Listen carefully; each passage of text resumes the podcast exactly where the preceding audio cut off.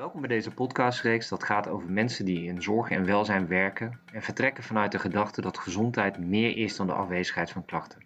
Ik ben Stefan Ermsen, 45 jaar en nu ondertussen ruim 20 jaar werkzaam in de zorg. Wat ik zo mooi vind, is dat het concept van positieve gezondheid heel mooi aansluit op mijn Afrikaanse roots. Ubuntu. Zonder jou ben ik niet. Het verbonden zijn aan elkaar heeft invloed op onze gezondheid. En zonder deze verbinding kan er ook geen kennis gedeeld worden. Vandaag spreek ik Wendy van Loo. Wendy is al 20 jaar praktijkverpleegkundige in de eerste lijn. En wat ik zo mooi vind aan ons gesprek is, dus dat zij heel goed haar ervaringen meegeeft vanaf het begin dat zij mee die protocollen ontwikkelde tot waar ze nu is. Als stafmedewerker rondom kwetsbare ouderen, maar ook hoe zij kijkt om nog de komende 20 jaar misschien wel de zorg te verbeteren. Hallo Wendy, welkom bij dit gesprek. Fijn dat jij met mij uh, dit gesprek wilde voeren over hoe jij uh, zeg maar tegen de beweging aankijkt. Uh, wat, wat, meer gezondheid gericht, de zorg. Misschien kan je jezelf eerst even voorstellen aan de luisteraars. Wie ben jij? Ja, ja. nou, hallo Stefan. Leuk dat ik ja, dat ik het woord mag hebben nu in, in deze.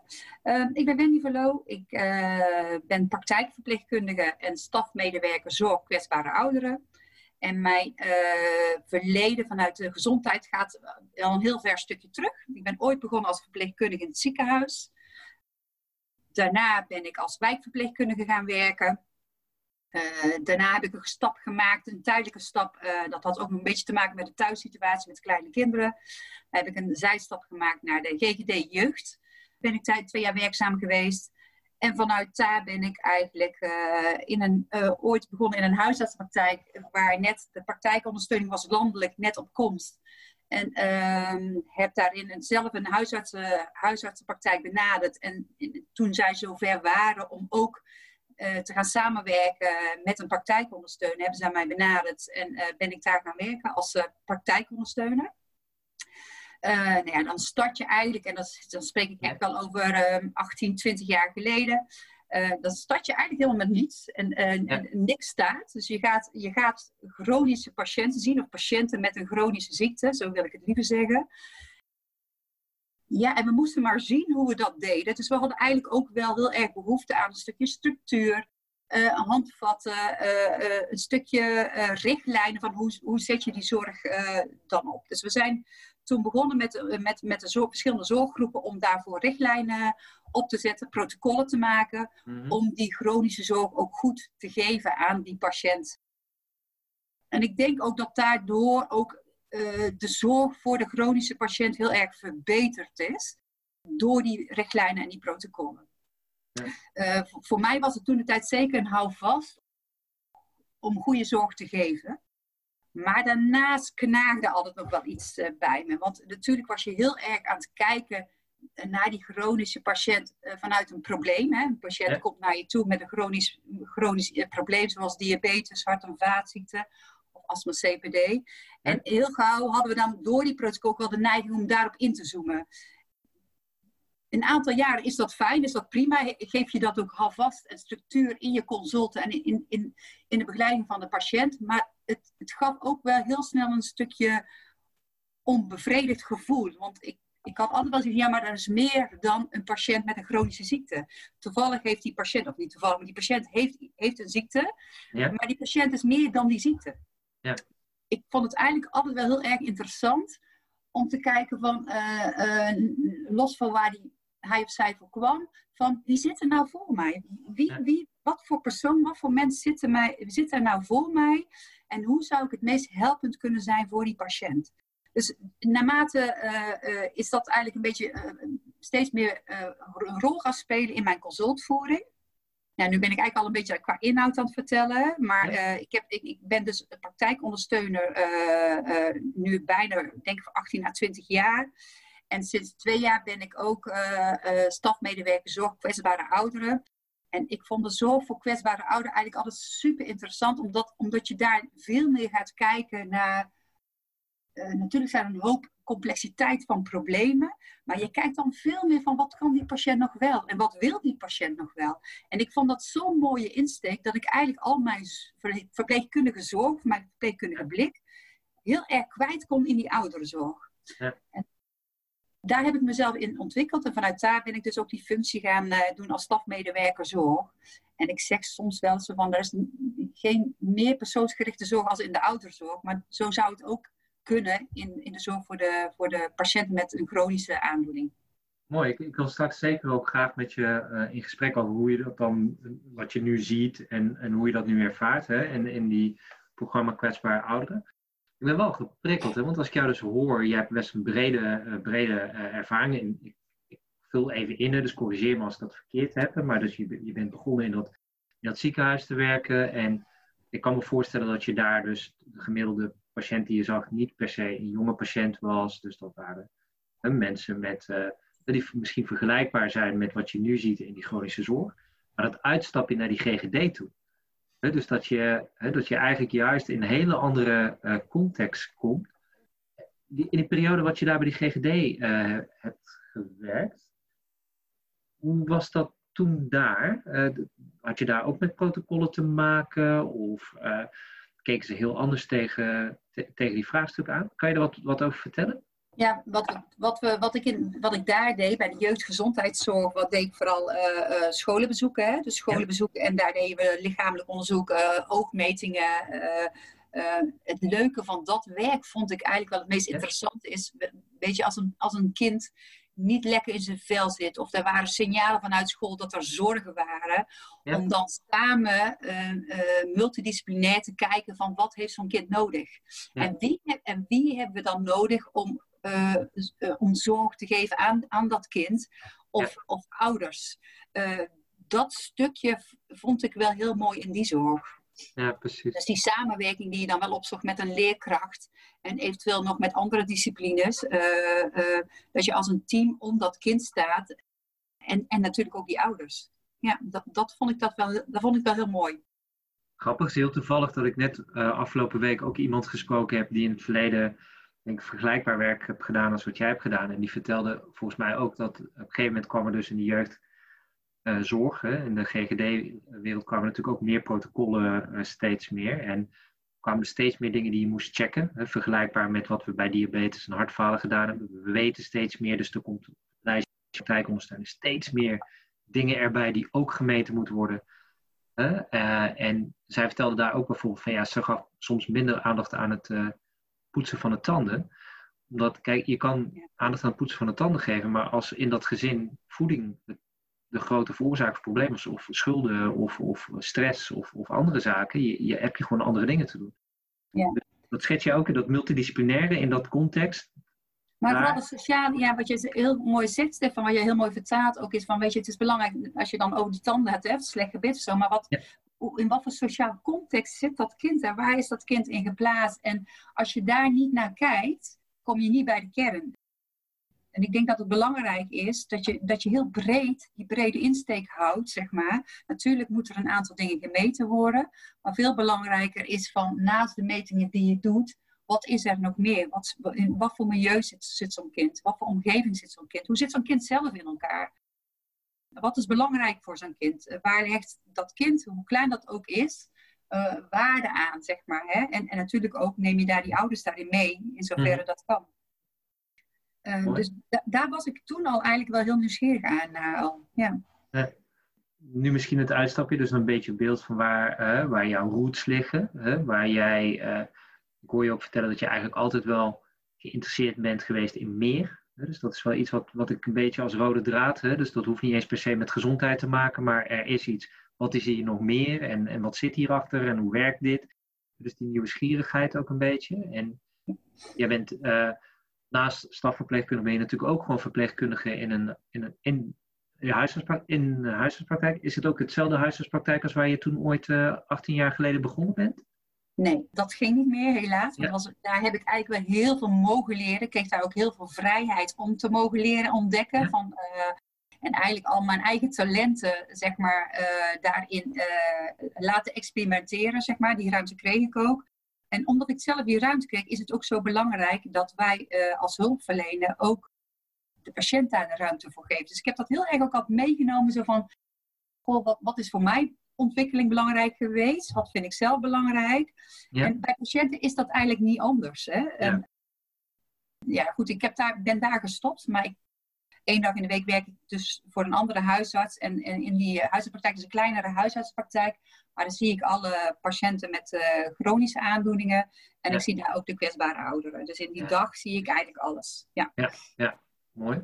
En uh, je was uh, in, je, in je inleiding vertelde je ook die stappen hoe je, hoe je dat aan het zetten was in, jou, in jouw loopbaan. En dat je nu als stafverpleegkundige programma kwetsbare ouderen bezig bent geweest. En je sloot volgens mij af, en misschien niet letterlijk, met van ja, maar juist ook hè, die, die zoeken naar wat er wel mogelijk is. Dat sprak jou heel erg aan, dat manier van werken van, van, uh, van jullie zorgprogramma Kwetsbare Ouderen. Kan je misschien wat meer meenemen? Want ik kan me voorstellen dat voor veel luisteraars dat ze denken, ja, maar hoe is de zorg voor kwetsbare ouderen dan anders dan iemand met diabetes of met hartfalen? Kan je misschien schetsen hoe dat, hoe dat anders is? Weet je, bij kwetsbare ouderen zijn er natuurlijk best. Kwetsbare ouderen, uh, als je daar naartoe gaat en alleen heel erg probleemgericht gaat kijken, zijn er natuurlijk enorm veel problemen. Wat, wat, wat er kan spelen bij zo'n kwetsbare patiënt. Hè. Het gaat om echt de meest kwetsbare patiënten in je huisartsenpraktijk.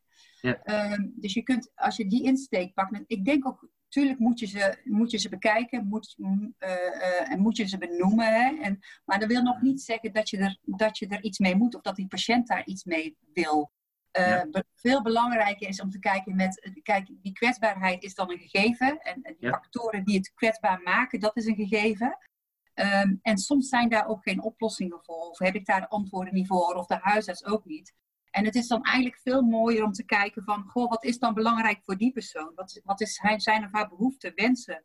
Maar ook om te kijken van, wat, waar ligt die draagkracht? En waar ligt, waar ligt die veerkracht? Wat, wat kan die patiënt, en dan neem je ook vaak die mantelzorger daarin mee, wat is nog wel haalbaar? En, en die kunnen soms in onze ogen heel klein zijn, maar heel groot zijn voor die patiënt, zeg maar. En dat vind ik het mooie in de zorg voor kwetsbare ouderen. Ik, ik begeleid ook praktijkondersteuners die gaan starten met het zorgprogramma kwetsbare mhm. ouderen. En die hebben dan een intake gedaan bij zo'n kwetsbare ouderen. En uh, zijn met zo'n kwetsbare in, in gesprek geweest. En dan, en dan uh, ze dat wel eens terug naar mij. En dan uh, hebben ze echt gevraagd, ja, maar nu? Ik heb eigenlijk toch helemaal niks betekend. Of ik heb helemaal niks gedaan. En ik denk, oh, je hebt zoveel waardevolle dingen al gedaan. Door alleen al die tijd te nemen om daarnaar te luisteren. Wat belangrijk is voor die patiënt. Wat zijn gedachtegang is. En hoe die, dat, hoe die, die, die tijd die hij dan nog heeft, heeft, zeg maar. Hoe die dat zelf ziet. Hoe fijn is dat om dat met iemand te delen, te sparren. En te kijken wat daarin nog mogelijk is dus je betekent al heel snel heel veel bij deze categorie mensen, zeg maar. Ik denk dat je het heel mooi het proces ook gewoon beschrijft. Hè? Maar stel dus, de, dus een, eh, een oudere uh, meneer, mevrouw kwetsbaar. Ja, maakt dat jullie iemand als kwetsbaar zien? Ja, waar wij vooral naar kijken, naar die meest kwetsbare patiënten, is als patiënten eigenlijk in die, die wat, eh, als patiënten regieverlies hebben. Hè? Uh, natuurlijk kun je kijken naar vallen, je kunt naar, naar vallen kijken, afvallen ja. uh, medicatie gebruikt. Dus er zijn wel een aantal indicatoren die je kunt, uh, kunt meenemen om te kijken of iemand kwetsbaar is. Maar ik denk voornamelijk dat het ook een stukje ligt bij het regieverlies. Ja. Het, grip, het, grip hebben, het grip hebben en behouden van je eigen leven. Grip hebben over de wensen die je zelf hebt om, om dat ook mogelijk te maken. Als een patiënt merkt van hé, hey, ik heb daar minder grip op, ik kan me voorstellen dat het best moeilijk is voor een patiënt om dat te ervaren. En, en, en ook om te kijken van hoe nu verder. En ik denk dat het voor een patiënt alleen al heel fijn is om, om, om misschien ook alleen al te bespreken dat dat, dat angst kan geven. Of uh, vraagtekens kan hebben van hoe nu verder. En dat soort gesprekken zijn dan eigenlijk wel heel mooi om, om uh, met zo iemand te hebben.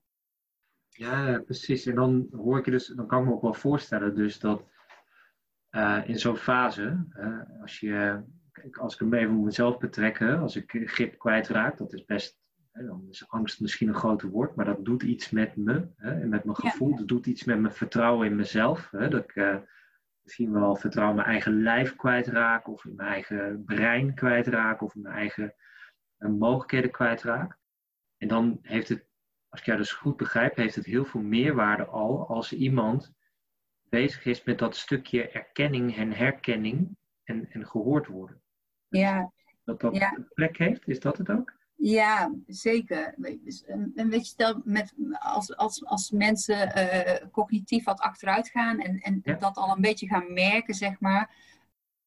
Ik zeg altijd dan tegen zo iemand, nu zijn er misschien geen dingen die ik voor u kan doen, maar ik loop gewoon een stukje met u mee. Hè? Ja. Dan, ik heb u nu leren kennen, ik, ik weet een beetje de wensen die u hebt en wat de mogelijkheden zijn. Hè? Dat is ook goed om daarover te hebben. En ik loop nu gewoon mee en als er meer hulp nodig is of als er meer acties uitgezet moet worden, ja, dan, dan is het wel fijn dat we elkaar kennen. En dan zijn die verwachtingen ook helder en duidelijk. En dan kunnen we sneller inspringen op, ja, op die acties eigenlijk. Of op wat die patiënt dan op dat moment nodig heeft. Ik denk als je als patiënt weet van, hé, hey, daar loopt iemand mee. Of dat nou de huisarts is of de praktijkondersteuner. Of misschien een wijkverpleegkundige of een zorg-begeleider. Meelopen en weten van, goh, ik kan terecht met mijn vragen. Of ik kan bij iemand terecht als het wat minder met me gaat. Of dat ik merk van, hé, hey, ik ga steeds, minder, die- steeds meer die, dat regie verliezen.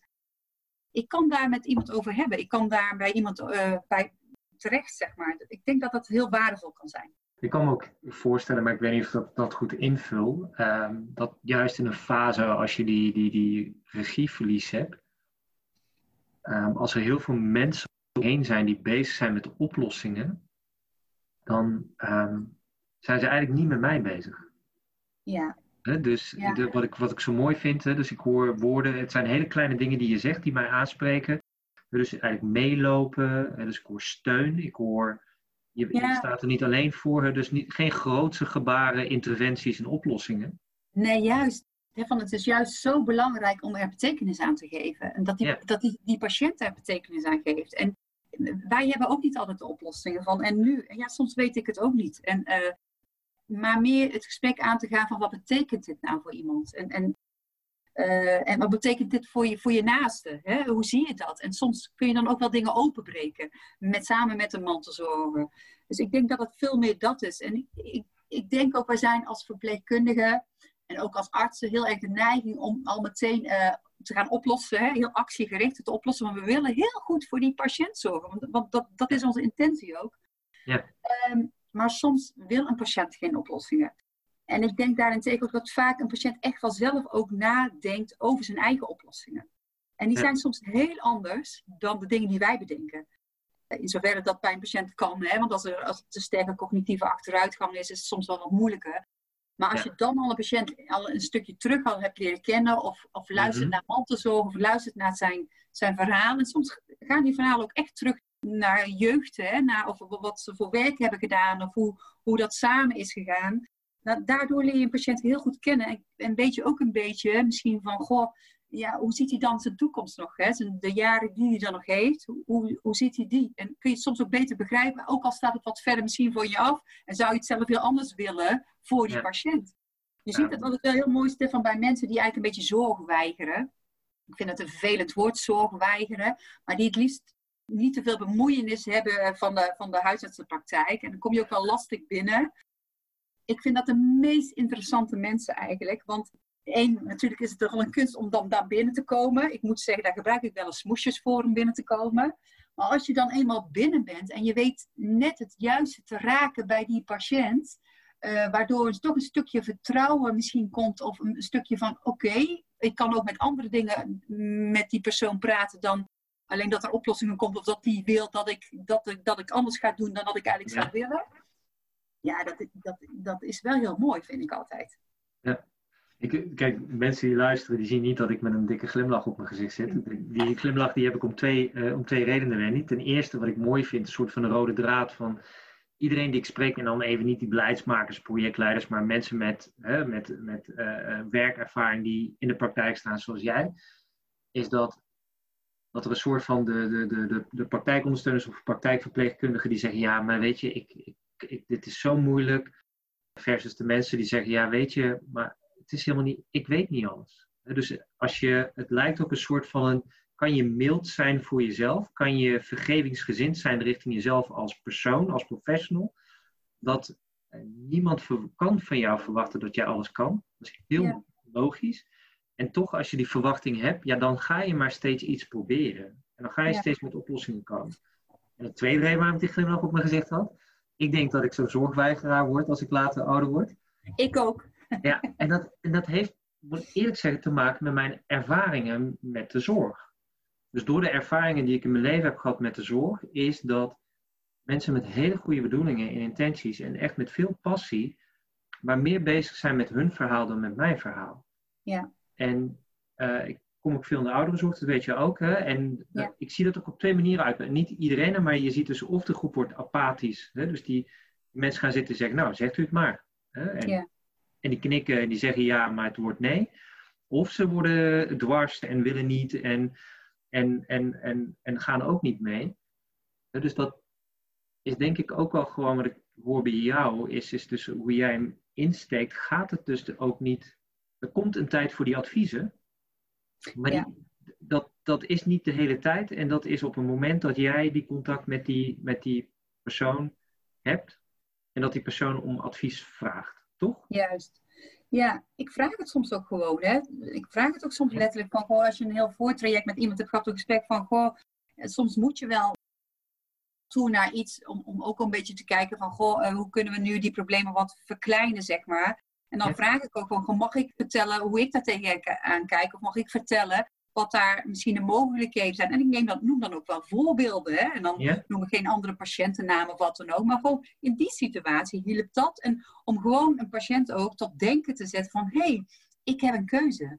Ehm, ehm, ik mag zelf kiezen in de mogelijkheden die er zijn. Ik mag zelf kiezen om er überhaupt wel of niet aan mee te doen. Maar mocht er iets zijn wat mij ligt, om, om dat toe te laten bij mezelf. Ja. Ja, ik zou zelf later ook niet anders willen, Stefan. Ik denk ook, hè, wat jij zegt, van, ik herken het heel erg. Want ik zeg altijd in de praktijk, de meest eigenwijze patiënten vind ik de leukste mensen.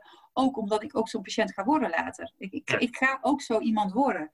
Ja. Die, zolang ik kan, en hoe klein dat ook is, die eigen regie, regie wil houden. Ja. En eh, eh, ik zou denk zelf ook heel erg prettig vinden als ik wist dat er iemand met, met mij mee, mee zou lopen. Maar die mij wel die regie laat behouden, hoe klein die ook is. Eh, al is het maar dat ik misschien cognitief zo ver achteruit ga dat ik niet eens meer mezelf maar aan kan kleden. En als ik mijn linker sok rechts wil aandoen of een ander. Weet je, al zit het maar in die kleine dingen. Ja, dat zou voor mij heel waardevol zijn. Ja. Ik denk dat eh, in de, de tijd dat ik bij Filans gewerkt heb, vond ik wel mooi, waren er wat echt van die hartverscheurende verhalen van een dame, inderdaad dementerend in een verpleeghuis, die eigenlijk het enige wat zij wilde, klinkt heel gek, was met sokken aan onder de douche. En Ja. dat, dat mocht niet, want Ja, val, geval, valgevaar, valgevaar, valgevaar. Maar ja, die dame die werd, ging daardoor juist achteruit, want die werd enorm beperkt. En dat klein stukje, dat enige wat ze vroeg was dat. En toen er uiteindelijk iemand was die zei, nou is goed, doe maar. Ik eh, blijf even bij u in de buurt. En ze viel niet, ja. maar ze was hartstikke gelukkig. En Oh, prachtig toch? Ja, Ja, hoe klein precies. het kan zijn, hè? Ja. En weet je, Stefan, ik zeg ook wel eens, eh, omdat praktijkondersteuners en, en ik was dat ook al en misschien nog wel, ook nog steeds, maar we willen heel gauw zo goed voor ze zorgen dat we eigenlijk alles weg willen vegen, alle obstakels weg willen ge- vegen voor die patiënt, dat hij maar niet zus of zo. En ik zeg echt ook soms wel eens van, weet je, soms moeten dingen ook gewoon een keer fout gaan of, of anders gaan dan dat je zelf had bedacht, eh, waardoor een patiënt ook pas een andere stap kan zetten, zeg maar. Hè? Maar het, het moet wel de tempo van die patiënt zijn en je kunt niet alles glad vegen, ook niet vooral niet bij die patiënt die daar gewoon nog niet aan toe is.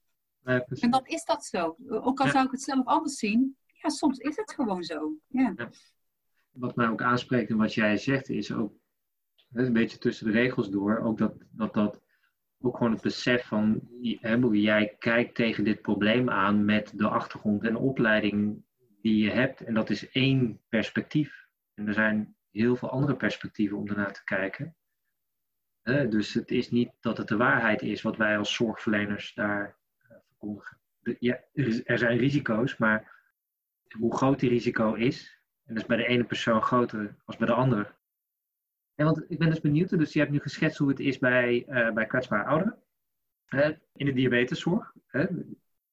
Jij weet natuurlijk ook, dus in die zorggroep waar jij werkzaam bent, daar ben ik ook eh, voor een deel betrokken. En wij zijn natuurlijk aan het kijken van, goh, hè, wij vinden dat kwetsbare ouderen is inderdaad een programma dat kijkt naar, naar de persoon, uh, persoonsgericht is, veel meer gericht is op wat wel kan, dus past bij de gedachtegoed van positieve gezondheid. En wij willen dat, dat gaan vertalen naar diabeteszorg, naar uh, hartfalen en naar CPD-zorg toe.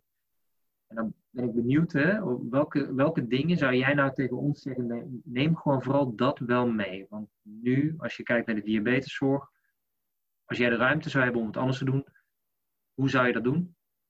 Ja, kijk, ik vind, ik vind dat echt wel een hele uh, mooi iets om ook wat je in de ouderzorg doet, kan je natuurlijk ook in de, in de, zorgprogramma's, uh, in de somatische zorgprogramma's, dus ook bijvoorbeeld met diabetes. Ja. Uh, kijk, toen we net begonnen, hè, wat ik toen straks ook al zei, je, we zijn begonnen met niets en hebben een aantal richtlijnen vast, vastgesteld, protocollen gemaakt. En die hadden we ook echt nodig om die zorg goed neer te zetten en te verbeteren. En die zorg is ook echt verbeterd in, in de huisartsenzorg, hè, samen met de huisartsen. Dus die protocollen zijn heel belangrijk geweest. Maar die kennis en kunde zit, is aanwezig. Hè? Dus wanneer die aanwezig is, en dat, dat is ook goed en dat neem je ook mee bij iedere consult. Maar ik denk dat we nu ook wel een klein beetje in een tijdperk komen met, uh, met persoonsgerichte zorg en de regie meer bij die patiënten leggen om te kijken van die protocollen die zijn goed, die kent maar misschien is de tijd nu ook wel daar. En ik denk ook dat we er tijd voor moeten nemen ja. om die protocollen misschien ietsjes losser te gaan laten. Omdat dat niet het leidraad moet zijn uh, in onze consulten. Maar dat onze consulten breder moet zijn dan alleen die protocol over die diabeteszorg. Ik denk dat, het, dat als er mogelijkheden zijn binnen een huisartsenpraktijk voor een praktijkondersteunen. En die ruimte krijg je want die ruimte heb je ook wel nodig om eens te gaan onderzoeken voor jezelf. Hoe kan ik nou een ander gesprek aangaan met die patiënt? Je hebt van die patiënten waar die al, al ik weet niet hoeveel jaren bij je, bij je komt. En je bespreekt dan de uitslagen. En je hebt het nog eens een keer over de voeding. Of je hebt het nog eens een keer over bewegen. Maar uiteindelijk kom je niet heel veel verder met die patiënt. Zoals jij dat ziet, zeg maar. Hè? Als je die insteek blijft houden. En ik denk dan, als je dan gaat kijken van, goh, zijn er andere mogelijkheden? Dus kunnen we misschien kijken naar een ander soort gesprek dan het gesprek wat we eigenlijk tot nu toe altijd hebben gedaan geeft dat misschien weer nieuwe openingen om misschien nieuwe mogelijkheden, waardoor die patiënt wel verder komt. En uh, ja, dat zijn we natuurlijk, hebben daar ook wel een beetje, daar ben ik ook mee bezig geweest, ook binnen bij mij in de praktijk, met positieve gezondheid, hè, met spinnenweb ben ik aan de slag gegaan. En ook bij die diabetespatiënten, ik, ik zet het al vrij snel in, soms zet ik het als, al in, in bij een kennismaking, hè, om te kijken van, gewoon ook een beetje te kijken van wat verwacht die patiënt nou? En wat kan die patiënt zelf, maar wat heeft hij voor verwachtingen eigenlijk ten aanzien van mij?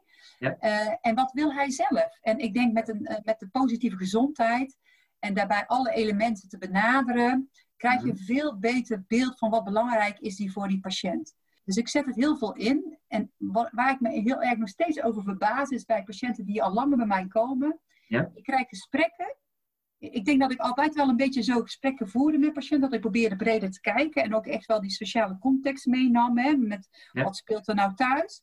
Maar door het nog opener te maken, zeg maar, door die positieve gezondheid, kwamen er toch gespreksonderwerpen naar boven. Ja, ik vond het verbazingwekkend wat, ik, wat patiënten je deelden met je, wat er allemaal nog meer speelde waar ik geen idee van had. Maar die, wat wel belangrijk was in waarom iemand bijvoorbeeld niet meer kan bewegen, of iemand misschien toch niet anders, misschien een paar weken wel op zijn voeding kan letten, maar dit niet vast kan houden. En ik denk, als je ergens wil komen met die patiënt, of als die patiënt zelf uh, iets wil, wil veranderen. Want ik denk dat de patiënt wel wil veranderen hoor. Ook, die vindt het niet leuk om bij mij uh, uh, uitslagen te horen die niet altijd positief zijn. Dus ik denk zeker wel dat de patiënt eigenlijk altijd bereid is om te veranderen, maar wil niet veranderd worden. En als je meegaat in wat dan wel kan en wat er speelt bij die patiënt en dat breder aanvliegt, kom je uiteindelijk wel bij dat punt wat die patiënt wel kan. Ja, voor mij heeft het echt zoveel meerwaarde om zo met iemand in gesprek te gaan. Ja.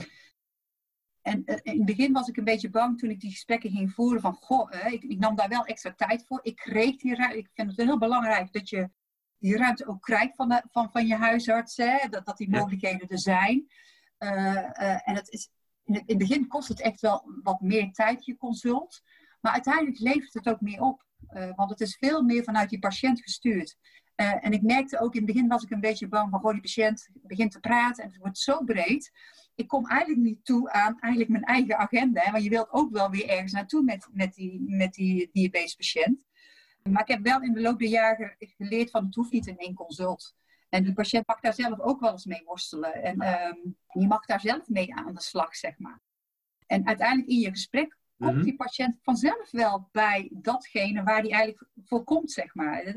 Iedere keer merk ik wel dat het uiteindelijk dan zichzelf wel vormt naar die kant heen. En uh, je bent dan veel meer aan het coachen in plaats van die hulpverlener te zijn. En het coachen is ontzettend leuk om te doen de passies patten vanaf, hè, hoe je erover vertelt. Hè? Dus dat, ik kan me ook voorstellen dat dat dus echt een leuke inzicht is. Hè? Dus waar je dacht, hè, als ik het goed begrijp, van nou, dit kan ik goed inzetten bij mensen die in het begin zitten om goed achter te komen wat ze belangrijk vinden. Dat het ook bij mensen die je wat langer kent uh, en al langer uh, zeg maar een relatie mee hebt gehad als praktijkondersteuner, dat dat, dat toch tot ook weer bij die patiënt hè, tot, tot, tot andere inzichten leidt. En ik ben dus benieuwd, want je, ik weet, je bent, je bent ermee bezig. Heb jij ooit met die, die groep uh, patiënten, uh, die je wat langer kent, ook wel eens gewoon eens het gesprek gehad van, goh, ook die, vertel eens, ook die verbazing wat, je, wat ik denk te horen tenminste, van, want ik, ken, ik weet dat je een open en breed gesprek voert, dus dat, daar, daar twijfel ik niet over. En dan toch zie je dat met zo'n instrument dat er iets anders komt. Wat kunnen we daarvan leren? Want ze kennen jou langer, ze kennen het oude manier en ze kennen het nieuwe manier. Ja. Ja, dat is wel een leuke, Stefan, om ook voor mezelf eens gaan uit te gaan eh, vragen. Hè. Ik doe dat nog te weinig, moet ik eerlijk zeggen. Ik zie wel dingen gebeuren, maar dan ga ik het zelf weer interpreteren. Hè. Dan ga ik er zelf wel weer een mening, uh, dan ga ik er zelf iets van vinden. Ik zie wel dingen gebeuren als patiënten uit het, naar buiten lopen. Maar het is wel een goed iets om mee te nemen. Om zelf gewoon ook eens een keer aan, aan iemand te vragen van... Hoe, hoe is dit nou voor u, zeg maar? Hè? Hoe is het nou voor u om, om zo'n gesprek te voeren... in plaats van alleen maar zoals we het voorheen hebben gedaan? Ik heb dat nog niet zo direct uh, gevraagd hoor, moet ik eerlijk zeggen. Maar ik, ik, ga dat wel meenemen in, in, in, in mijn consulten. Ja, ik vind dat wel leuk. En dan ga ik zeker jou over een tijdje willen spreken om te horen hoe dat is. Want ik denk dat dit namelijk, en dat is logisch, hè, dus ook weer, we zijn allemaal, hè, die, die positieve gezondheid is maar pas kort. Hè, uh, als eigenlijk gaat kijken qua, qua instrumentarium, ook het concept is er al wat langer. Dus het is ook logisch dat we eerst even goed daarin die ervaringen opdoen. En nadat die ervaringen gewoon er zijn, dan is bij mensen terug te gaan horen. Gewoon van, goh, we zien nu iets gebeuren wat we eerder niet zagen. En dan bij die patiënt te vragen hoe die ervaart waar dat vandaan komt. Ja. Want dat, ja.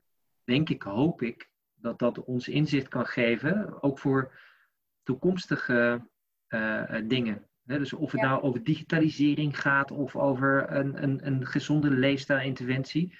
Blijkbaar werkt dit. Nou, waarom werkt het? Dus daar ben ik dan benieuwd naar. Maar dat is gewoon mijn nieuwsgierigheid. Eh. Ik, ga, ik, ga het mee, ik ga het meenemen, zeker. wat, ja, wat leuke ook wel is, vind ik, en dat is weer vanuit mijn uh, staffunctie, is het ook wel weer leuk dat je ook weer anders naar dat zoekt. En wij in de huisartsenzorg, uh, de ene praktijk is er al mee begonnen, of de ander heeft een kennismaking, of de ander is er nog niet aan toe. Hè? Eh, maar het leuke is wel dat wij nu heel erg daarmee bezig zijn vanuit de eerste lijn. Maar bijvoorbeeld in het sociaal domein wordt het eigenlijk al best vaak toegepast. Ik denk ook, hoe kunnen we, ik ben ook wel heel erg over na aan het denken, hoe kunnen we dat met elkaar verbinden? Hè? Hoe kunnen we dat samen meer integreren met elkaar? Of als, meer als regionaal. De intentie is allemaal hetzelfde. We willen allemaal dezelfde soort benadering. En we kunnen daar verschillende instrumenten voor gebruiken. Maar de intentie is hetzelfde, of de benadering is hetzelfde. Maar hoe kunnen we elkaar nou versterken daarin? En, um, en allemaal om die burger, om die patiënt heen. En het sociale domein is daarbij heel belangrijk. Dus ik ben ook wel heel erg bezig om te kijken van wat, wat we daar nog mee kunnen. Om, om, om, om, daar nog verbetering in te brengen. Ja, mooi. Dus dat is een beetje ook wat jij voor de toekomst, hè, wat, je, wat, je, wat je eigenlijk wel interessant vindt om naar te gaan kijken. Ja. En ik ben er ook, ik ben merk dat ik ben er zelf ook wel veel mee bezig. Dus, en dan gaat het niet om het instrument of om het ding, maar we hebben eigenlijk een soort van. Dat spinnenweb helpt dat we dan samen dezelfde taal spreken. In het sociaal domein praten ze al op deze manier met hun patiënten. Ja. Als niet, uh, want als je zo'n, want in onze regio waar wij zitten in Zuidoost-Brabant heb je, had je dan vroeger de zelfredzaamheid Hè, dus gelukkig zijn ze daar een beetje van afgestapt, want die was wel enorm groot. Dus echt te complex. Dus nu met zo'n spinnenweb biedt kansen. En ik weet natuurlijk, ja, en daar ben ik wel heel erg benieuwd naar of dan zo'n concept als welzijn op recept ons daarbij gaat helpen. Hè? Dus en dan gaat het niet om het product welzijn op recept, maar gewoon wel hoe kan je samen, hoor ik jou eigenlijk ook zeggen, tussen zorg en welzijn, echt gaan samenwerken. En niet alleen maar over de schutting gooien. Uh, sorry, dat heet verwijzen. Maar ik moet het altijd over de schutting gooien. maar hoe kan je nou eigenlijk met elkaar samen uh, en ook samen met die patiënt daar ook iets mooi betekenis aan geven?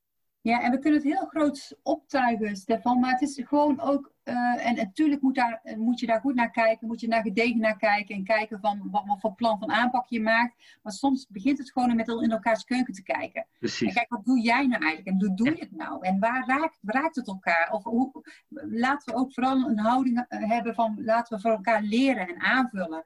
Om, om die burger heen, om die patiënt heen, gewoon goede zorg te geven. En of dat nou op medisch vlak ligt of op sociaal vlak. Eigenlijk zouden we die muren wat, wat minder als muur moeten zien, maar meer met elkaar daarin verbinden. Ja, maar dat spreekt mij enorm aan, Wendy. Want dan heb je dat je ook eigenlijk, dat denk ik ook hè, een beetje, dat je, als, er, als er iets nieuws komt, kan je er heel lang over nadenken. En je kan uh, tien beleidsmakers aan de kamer stoppen, dan ben je negen maanden verder. Of je kan gewoon eens gaan doen ja. En dan gewoon eens goed evalueren met elkaar en pak daar een maand of twee om gewoon eens met elkaar te doen. Dus niemand die daarvan doodgaat, dus niemand die daar, uh, zeg maar, uh, het kost je niet de tijd wat het je zou kosten als je die negen maanden en al die overleggen gaat zitten.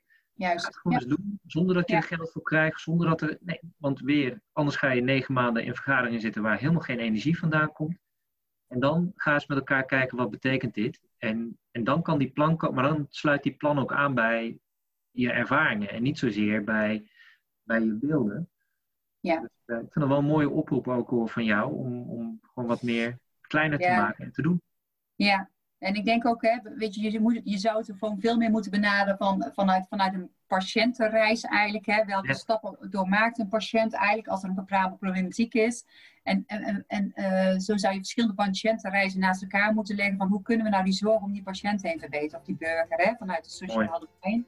Ja. ja. ik vind dat wel een hele mooie benadering. Zo van, oh, we, hebben een mooi plan en we hebben een leuk, uh, leuk iets eh, bedacht. En kijken of dat wel werkt. Nee, wat is er nodig in de realiteit? En ik ben een vrij praktisch mens. Ja. dus ik, ja, ik hou wel van die, dit, deze, deze insteek, uh, moet ik zeggen. Ja. Nou, Wendy, echt hartstikke bedankt. Ik vond het een enorm leuke gesprek weer. En we gaan elkaar wel vaker spreken. En ik wens je nog een hele fijne dag verder. Ja, dankjewel. Benieuwd naar meer?